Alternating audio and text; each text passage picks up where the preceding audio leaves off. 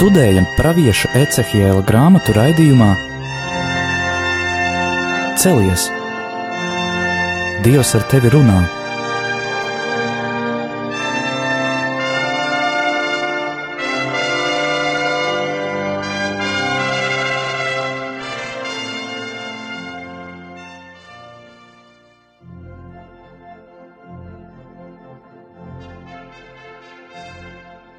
Slavēts Jēzus Kristus. mūžīgi mūžos slavēts Studijā Stela, un Anģela. un šodien turpināsim lasīt praviešu Ecehila grāmatu. un Turpināsim pētīt tās trešo nodaļu, ko jau iesākām lasīt, un redzēsim, ka tā ļoti spēcīgi runā arī uz mums pašiem, uz mums katru kā mums rīkoties attiecībās ar līdzcilvēkiem, ja mēs redzam, ka tie dara kaut ko pretēji dieva likumam, vai arī ieved sevi kādās bīstamās situācijās, jo mūsdienās ir problēma arī ar to, vai redzot savu brāli un māsu, un kā brāli un māsu mēs varam uzlūkot arī katru cilvēku neatkarīgi no tā, vai viņš ir katols, nekatols, kristietis, nekristietis vai vienkārši neticīgais. Pēc radīšanas kārtības viņš ir mūsu tuvinieks. Kā mums rēģēt, ja mēs redzam, mūsu brālis vai māsa gatavojas uz kādu sev postošu rīcību? Un lasot Ecihela grāmatu, mēs redzēsim, ka par to ir pat ļoti liela atbildība.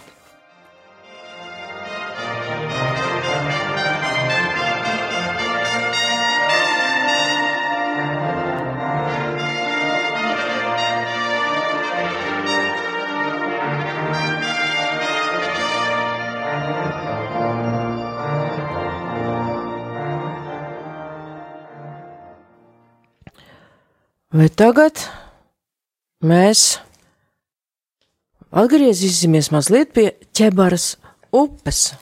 Iepriekšējā raidījumā jau konstatējām, ka tas praviešu uzdevums ir ļoti grūts un nepatīkams, un ka viņš tiek sūtīts pie savas tautas, un Dievs viņu brīdina, ka tā būs ar cietu pieri, un neklausīsies un nevēlēsies pieņemt, šīs praviešu sludinātās patiesības, jo tās kaut arī pravietis runās kunga vārdus un sludinās viņa likumu, šīs patiesības nav patīkamas un nebūs.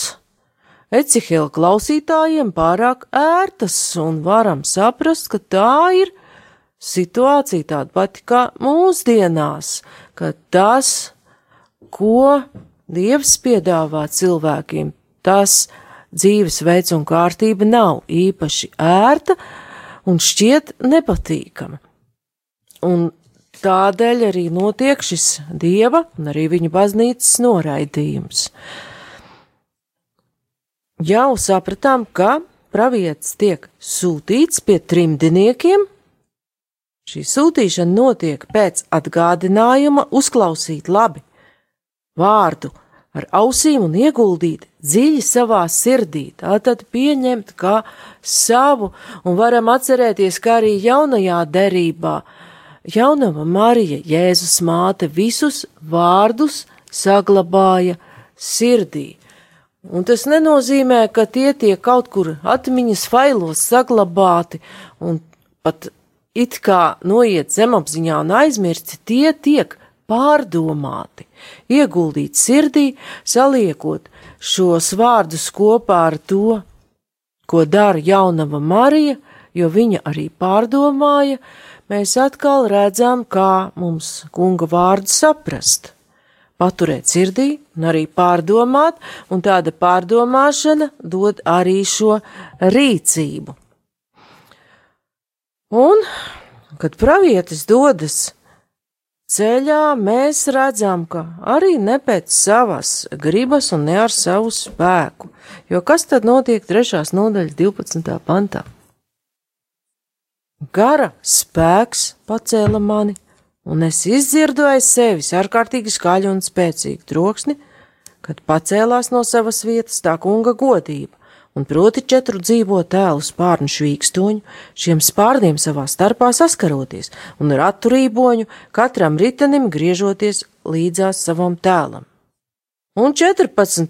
pants ļoti skaidri atklāja šo veidu, kā pravietis tiek sūtīts, un ļoti skaidri norāda arī to, ka šis dieva grība var būt pretrunā ar paša sūtītā noskaņojumu. Gars paceļ un aizrauj, un rakstos redzam, ka tas ir rakstīts ar lielo burtu, tātad tas ir dieva gars, kas pārējie pravieti paceļ, aizrauj, es gāju uz priekšu, Un kas tad notiek viņa paša sirdī, pūdams sava gara satraukumā dziļi nospiests, bet tā kunga roka ar varanu spēku turēja mani. Tātad pravieti paceļ garas spēks. No jaunās derības skatu punkta mēs saprotam, ka runa ir jau par svētā gara spēku. Tad Ecikels tiek pacelts uz augšu ar garas spēku. Bet apstuļu darbos, otrā nodaļā, no 1 līdz 4 panta, mēs jau redzam, ka gars nonāk un ievietojas cilvēkos, un savukārt atkal notiek kāda celšana, tiek celta baznīca. Apstuļu darbos Otrā nodaļā mēs lasām no otrā panta. Kad vasaras svētku diena bija atnākusi, visi bija sapulcējušies vienā vietā, un piepaši no debesīm nāca rūkoņa, it kā stiprs svejš pūstu, un piepildīja visu namu, kur tie sēdēja, un viņiem parādījās it kā ugunsmēls, kas sadalījās un nolaidās uz ikvienu no tiem, un visi tika piepildīti ar svēto garu un sāka runāt citās mēlēs, kā gars tiem deva izrunāt. Paldies! Tātad šeit mēs redzam, kā gars nolaiž uz cilvēkiem un viņus piepilda, un tas ir liels dažādu cilvēku pulks, un varam atkal atrast kopsakarību ar Ecihela pravieša uzdevumu. Viņam ir jārunā Dieva vārds. Tas vārds, ko kungs liek viņa mutē, un ar kura sludināšanu var iet gaužām grūti. Un šeit tie, kas ir piepildīti ar svēto garu, sāk runāt citās mēlēs, kā gars tiem deva izrunāt.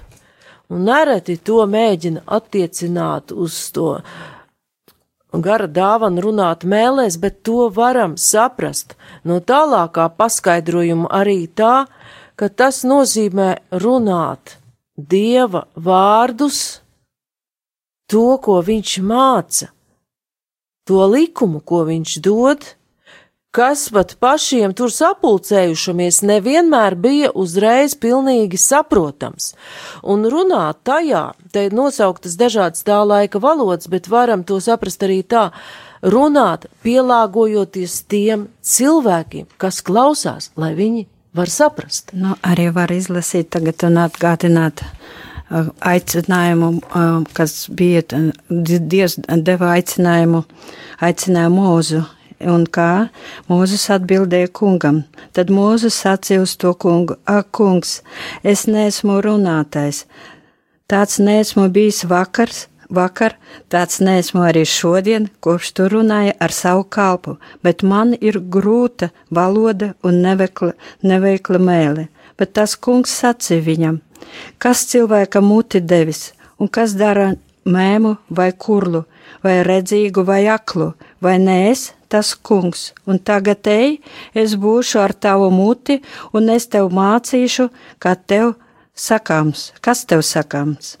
Bet Mūzes sacīja, ak, kungs, sūti taču, ko sūtīdams, Tad tā kunga dusmas iedegās pret mūzu, un viņš sacīja: Vai Levīts Arons nav tavs brālis? Es zinu, ka tas runā veikli, un redzi, viņš nāks tev pretī, un tevi ieraugot priecāsies savā sirdī, un tu runā uz viņu un liec vārdus viņa mutē, un es būšu ar tavu muti un ar viņa muti, un mācīšu jums, kā jums jādara. Lai viņš runā tavā vietā uz tautu, viņš lai kļūst tev par muti, bet tu esi viņam dieva vietā. Paldies! Tā tad arī šeit mēs redzam pie Mūzus, ka ir šī pretestība un neizpratne, kā Dievs sūta cilvēku kaut kādā uzdevumā, priekš kura viņam nav pēc paša domām spēju. Un varētu teikt, ka Dievs, kaut arī iededzies dusmās, eh, ir ar tādu dziļu sapratni un iecietību pret mūzu, un kas to zina, varbūt viņš palaida pat garām šo iespēju tapt arī par labu runātāju, bet no mūzes vēstures mēs redzam, ka Dievs arī šo situāciju ar pretestību atrisina, un pat neiet ar tādu milzīgu spēku pret cilvēka gribu. Ja nu viņam ir tik ļoti maza tā paļāvība, ka Dievs viņu spēj sagatavot runāšanai, viņš dod viņam šo brāli, kas palīdz ar runāšanas dāvanu. Lasot tālāk Ecihēlu, mēs varam saprast, ka kunga roka ar varanu spēku tur un aizved viņu pie trimdiniekiem Tel Abibā, kur tie dzīvoja pie ķebars upes. Un nekas nenotiek. Nenotiek nekāda sludināšana ar milzīgi lielu spēku. Pravietis sēž garā noskumis, ja viņš garā noskumis arī sāk šo ceļu, klusībā viņu vidū.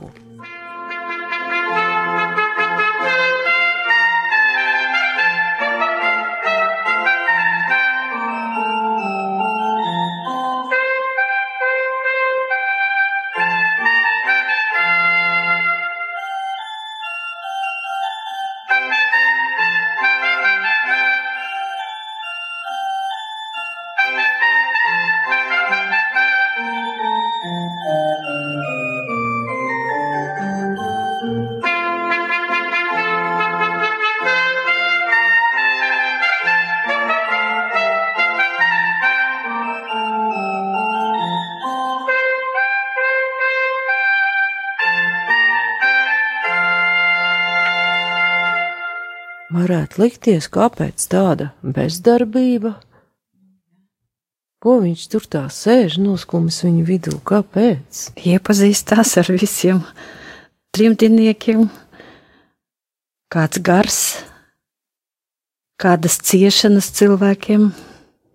Un arī, kad, eh, piemēram, draugi iebātnāca pieība, kurš cieš, ciešanās, viņa arī uh, ieba grāmatā otrajā nodaļā ir teikts, ka un tie sēdēja pie viņa zemē septiņas dienas un septiņas naktis, neviens no tiem ar viņu nerunāja ne vārda, jo tie redzēja, cik ļoti lielas bija viņa sāpes. Paldies! Tātad te mēs redzam no šiem diviem tekstiem, jo Anģela ļoti veiksmīgi atrada šo īņķu grāmatu. Tā ir klusējoša kopā būšana, vienotība ciešanās, kas runā pat daudz skaļāk nekā jebkuri vārdi. Un šeit Ecihils pirmkārt jau ir viņa klātbūtne, viņš ir kopā ar šiem trimdā esošajiem cilvēkiem, Viņš iepazīstas ar to, kā viņi dzīvo, un no vēsturiskā skatu punktu varam saprast, ka tur šajā trimdā pie ķebars upes Babilonā viņiem neklājās tik slikti, kā izradzētajai tautai tās veidošanās sākumā Ēģiptē, kur viņus lika pie ļoti smaga darba, līdz kungs sadzirdēja, viņu kliekšanu un deva Mūzum šo uzdevumu izvest uh, cilvēks no Ēģiptes zemes. Šeit šī situācija varēja būt drusciņ labāka. Iespējams, ka ir bijis viņiem arī kāds savs lūkšanas nams, bet, lai kā tur bija, vispirms pravietis Ecihēls skatās, vēro, kā cilvēki dzīvo, kāda ir viņu attieksme pret notikušo, lai saprastu, kādā valodā viņus uzrunāt, kā sludināt šo dieva vārdu, lai viņi saprastu, lai tā viņu cietā piera paliktu kaut nedaudz mīkstāk. Jā, un tad tie izra, e, ebreji un pret viņiem Dievs bija vienmēr ļoti žēlsirdīgs, arī vajadzēja tādu valodu atrast, jā, ka kā Dieva žēlsirdīga valoda varētu būt kopā pret viņiem. Un tālākais teksts tieši jau runā gan par dieva žēlsirdību, un to, kā tā parādās arī caur mūsu klātbūtni un valodu, un arī par atbildību, kas jaunās derības laikā uzliek par pienākumu, šo pravietisko pienākumu teikt kunga vārdus un runāt viņu patiesību visiem cilvēkiem, uzliek par to ļoti lielu atbildību. Septiņas dienas ir pagājušas, un par Ecihelu nāk kunga vārds. Un kungs runā tādus ļoti stiprus vārdus, var teikt, dod lielu uzdevumu. Arī bīstam uzdevumu atkal atkārtojas tas, ka uzdevums nav viegls.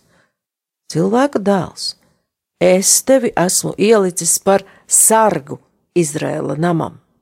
Kad tu uztversi vārdu no manas mutes, tad tev tie jāpamāca un jābrīdina manā vārdā. Tātad pravietis ir ielikts par sargu Izrēla namam. Sargs te nozīmē aicinātā kalpotāja atbildību. Ja mēs lasītu izsai grāmatas 21. nodaļu, 6. līdz 8. pants, būtu man izdosies arī to atrast, jā, 21. nodaļa, 6. līdz 8. pants, ko tad dara sargs? Jo tā tas kungs man teica, ej, noliec sargu, lai viņš ziņo, ko viņš redz. Un kad viņš redz ratus un jātniekus, ezeļu un kamiļu rindas, tad lai viņš uzmanīgi vēro. Bet sargs ir tas, kas redz, vai tam, ko viņš sargā, netuvojas briesmas. Radīšanas grāmatām 31. nodaļā, 40. pantā lasot, mēs saprotam, ka arī gans ir sargs, kas dzīvo karstumā un augstumā, visdažādākajos apstākļos, lai sargātu savu ganāmo pulku. Un lasot stāstu jaunajā derībā par to, kā dieva godība nonāk zemes virsū, iemiesotajā vārdā, Lūkas evanģēlijā mēs atkal redzam ganu, kas sargā. Lūkas evanģēlijas 2, 8.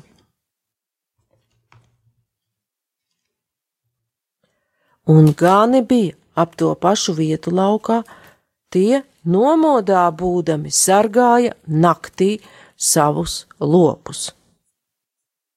Un tā kunga eņģelis pie tiem piestājās, un tā kunga spožums tos apspīdēja, un tie bijās ļoti. Tā tad arī tur mēs redzam sargus, ganus, kuri naktī sargā savus lopus un ir nomodā. Tātad sargs ir arī tas, kas ir nomodā, kurš nedrīkst būt aizmidzis. Tātad kungs pavēla Cihielam būt šim sargam, kas nepārtraukti ir nomodā par šo Izraēla tautu, kura ir izvesta trimdo. Un jaunajā derībā mēs jau to saprotam kā baznīcas kalpotāju atbildību ka ir jābūt gan nomodā, jāredz cilvēku situācija, ir viņi arī jāmāca, un jāsagaida arī tas, kad nepieņems, atstums un izturēsies pat ļoti slikti. Un šī fragmenta tālākajā tekstā kungs runā ļoti skaidri un pat bargāk. Kad es saku bezdievim, tev jāmirst, un tu to nepamāci un nebrīdini, lai bezdievis atgrieztos no sava ļaunā ceļa un paliktu dzīves, tad bezdievis gan nomirs savos grēkos, bet viņa asinis es prasīšu no tavas rokas. Bet, kad tu bezdievi būsi pamācījis, un viņš tomēr neatstājas no savas bezdievības un savu ļaunā ceļa, tad viņš nomirst savos grēkos, bet tu izglābsi savu dzīvību. Kā to saprast? Jo var no 18. panta secināt, ka kungs kādā veidā saka bezdievim, tev jāmirst. Kad un kā tad dievs tieši to saka? Jo bezdievis jau it kā uz dievu nereaģē jo bezdieviem iekšā arī kāda sirdsapziņa tomēr ir, dieva balss vairāk vai mazāk viņā runā.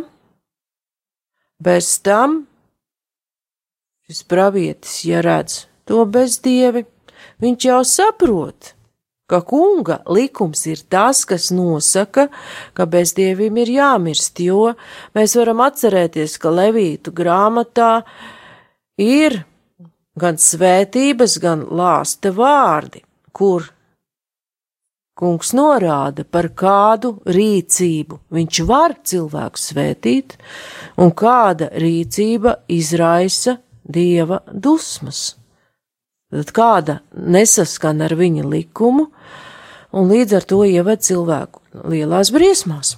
Arī Lūkas evangelijā mēs varam izlasīt, ka Jēzus Kristus um, uh, sūta savus mācekļus, ejiet, Lūkas, jūs sūtu kā jērus vilku starpā, neņemiet līdzi nec naudas malku, nec ceļa somu, nec kurpes, ne ceļa nesviet ne, ceļā nesveiciniet neviena, un ja jūs ieiet kādā namā, tad sakiet vispirms mirs šim namam, un ja tur būs kāds miera bērns, tad uz viņa dusēs jūsu miers, bet ja nē, tad tas atgriezīsies pie jums atpakaļ.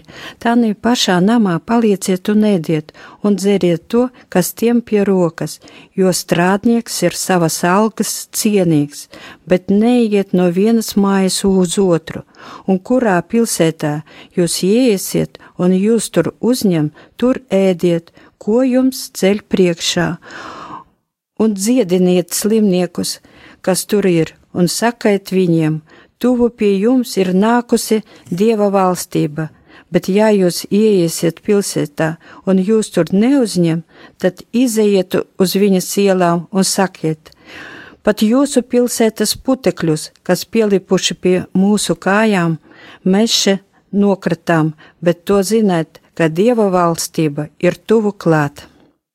Paldies! Tā tad arī šeit Lūks evaņģēlijā dots šis sludināšanas uzdevums un atstāta klausītājiem šī tiesība, šī brīvība pieņemt vai nepieņemt. Bet kāpēc vispār tā staigāt apkārt un pat uzbāzties ar to dieva patiesību? Šis rīkojums nāk, ja kunga pavēle nāk jau no vecās derības. Tā nav jauna. Trešajā mūzes grāmatā, jeb Levītu grāmatā, kur ir, kura ir Tārā. Tātad jūdu pamatlikumā Levīta grāmatā 19. nodaļā, 17. pantā ir teikts: Tev nebūs savu brāli ienīst savā sirdī, bet pamācīdams pamāci savu tuvāku, lai tev nav viņa dēļ jānes grēks. Necihela grāmatā mēs lasām jau skarbākus vārdus, ka atbildība ir vēl daudz lielāka ka kungs atprasīs asinis no tavas rokas, ja tu nebūsi cilvēkam parādījis, ka viņš rīkojas neatbilstoši kunga likumam un līdz ar to vēršas pats pret sevi. Un šie vārdi, viņa asinis, es prasīšu no tavas rokas mums kaut ko atgādina par asinīm un kur? Jā. Jā, Kains un Ābels. Jo kas tad tur ir? Ābela asins, brēts uz kungu. Radīšanas grāmata, 4. nodaļa, 10. pants, mēs varam lasīt. Bet viņš teica: Ko tu esi darījis? Tava brāļa asinis brēts uz mani no zemes. Tādēļ tu būsi nolādēts zemes virsū, kurai bija jāatver sava mute, lai no tavām rokām saņemtu tava brāļa asins. Un tad iznāk no tā diezgan vienkāršs secinājums, ka ja mēs savu līdzcilvēku nepamācam, neparādām, kā uz vienu vai otru lietu skatās Dievs, tas ir pielīdzināts ne tikai grēkam, kāds grēks tur notika. Jā, grēkam, bet ļoti smagam grēkam. Ja mēs aizturam šos kunga vārdus, kas mūsos ir un kurus mēs zinām, ceļā pie otra cilvēka, kurš rīkojas slikti un ar to kaitē sev. Teksts netiešā veidā, caur šiem izteikumiem, asins atprasīšana no tavas rokas pielīdzina tādu rīcību slepkavībai. Jo nepievēršot uzmanību otra cilvēka dzīvei, viņa rīcībai, Mēs varam pieļaut, negribot iejaukties, ka cilvēks tik tiešām nonāk arī līdz fiziskai nāvei. Jo dažkārt ir tāds uzskats, ko, piemēram, darīt ar tiem atkarīgajiem, vai ir kāda jēga cilvēkam kaut ko teikt. Svētie raksti saka, ka ir jēga pievērst cilvēku uzmanību tam, vismaz mēģināt viņam teikt, ja arī tā piera būs ļoti bieza, ka viņš dzīvo pretrunā ar kunga likumu. Jā. Es arī domāju, ka tas pamācīt, tas ir tāds vārds, jā, varbūt atgādināt, jā, cilvēku. Jā, jo mums ir alerģijas to vārdu pamācīt. Mums tas, ir... tas it kā nāk no uh, nepatīkamiem skolotājiem, bet tas drīzāk ir atgādināt kunga vārdu atkārtot, lai tas nosēžas, lai tas lēnām ieiet pat it kā bezcerīga cilvēka sirdī. Un tāpēc jau ir klausies Izraēli, jā, ka klausies, lai cilvēks sadzird to vārdu. Dieva vārdu. Var teikt, nevardarbīgā veidā piedabūt to brāli, kas ir noklīdis, klausīties. Un tad, ja viņš ir tik ļoti nevēlas klausīties, tomēr tas netiks atprasīts no mums. To pašu jau liek darīt arī Jēzus, Mateja evaņģēlis 18. nodaļa. Arī tur Jēzus ko saka un ko, ko, kā iesaka mums rīkoties šādos gadījumos. 18. nodaļa, 15. un 17. pants.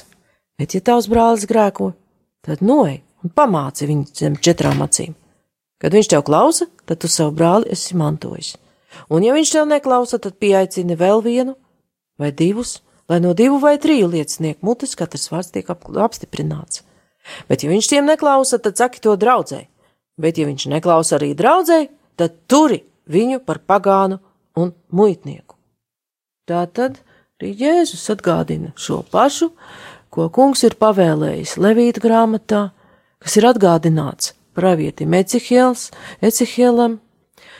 Līdz ar to arī caur Jēzus vārdiem tiek atgādināts mums un paliek kā mūsu pienākums, kas dažkārt var būt pat ļoti nepatīkams.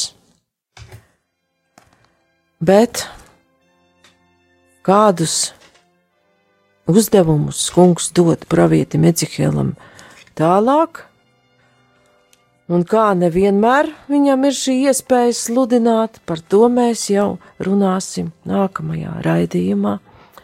Paldies par uzmanību! Studijā bija Stela un Anģela.